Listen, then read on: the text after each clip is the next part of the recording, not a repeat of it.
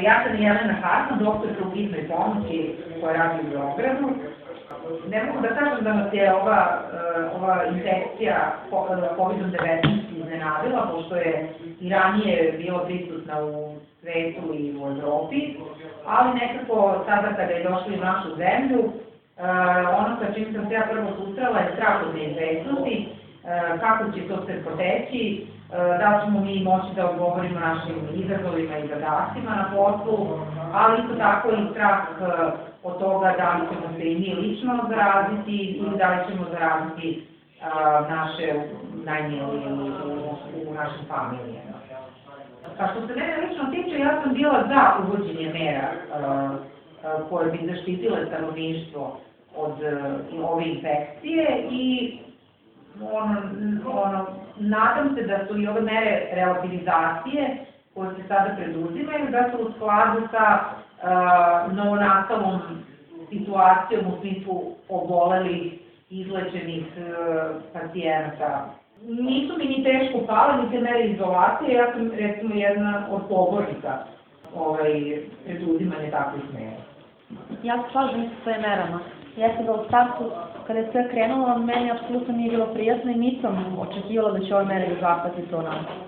Da li je bio neki možda strah, optimizam. optimizam ili šta već ne znam, ali kad su krenule ove mere, apsolutno sam se složila sa tim. Mislim da to zapravo potpuno ispravno ovaj celokupnoj Znači, svi imamo stav da su mere opravdane i da možda, možda bi čak trebalo i da su bile uh, radikalnije u trenutku kada je bila na, na ulazu u Srbiju, da tako kažem, infekcija. Pa sad ne znam šta smo mogli više da preduzmemo, možda bi bilo ipak da, blok, da se blokira cijela država, ne znam koliko bi to bilo moguće izvesti. Mislim da su u skladu sa situacijom da su postupili relativno da je napravljeno neko kompromisno rešenje i da budu zaštićeni ljudi da... Zaštićeni, da, ja isto mislim da nekako radikalnije ne bi to imalo smisla, mislim da su se i ljudi pridržavali.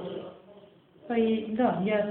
A jeste razmišljali recimo o nekoj paraleli sa a, bombardovanjem? Recimo i to je a, onako situacija prilično slična ovoj da je... Pa ja moram pristati da meni kad je bilo bombardovanje strah bio mnogo veći.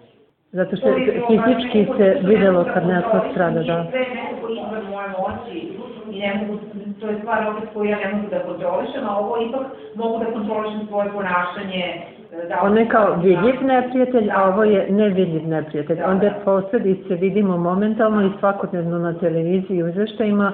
Ovde je malo ovako... Ovde možete da relativno stavite pod kontrolu, da nosite maske, rukavice, naočare, vizije i tako dalje, iako i to opet pa ne štiti 100%.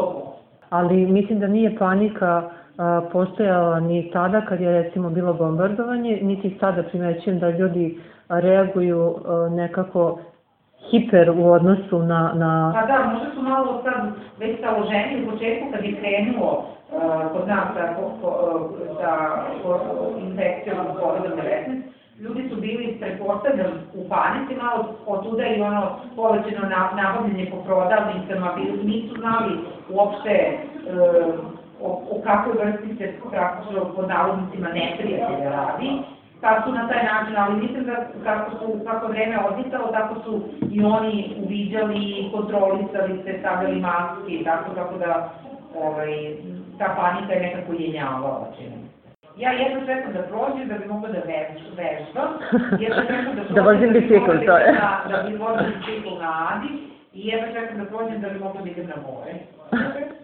E sada more je malo disko. I da se svojim drugarima sa kojima se nisam videla, jedva čekam da nekog zagrli mi kaže. Da, kažu da je 14 zagrlja dnevno jako važno da bi čovjek bio srećan. To nam je baš mnogo uskraćeno u ovo vreme, da. I nekako da se život vrati normalno, sve je podređeno sada virusu. Da li se stavljaju rukavice, da li nisu, da li su da. krenuli, sve samo se vrsti priča oko toga. Nekako je život potpuno stavljen po strani, pa neki drugi problemi se postali potpuno se bezmučeni odnosno na ovo. Da, čak i sa medicinskog aspekta vidimo kako smo malo rigidniji prema ljudima zbog toga kao da se uklapa sa kliničkom slikom vezano za COVID ili ne i kako je nebitno ako nije to sa simptomatologija. Upatim sebe da sam nekad ljuta, da.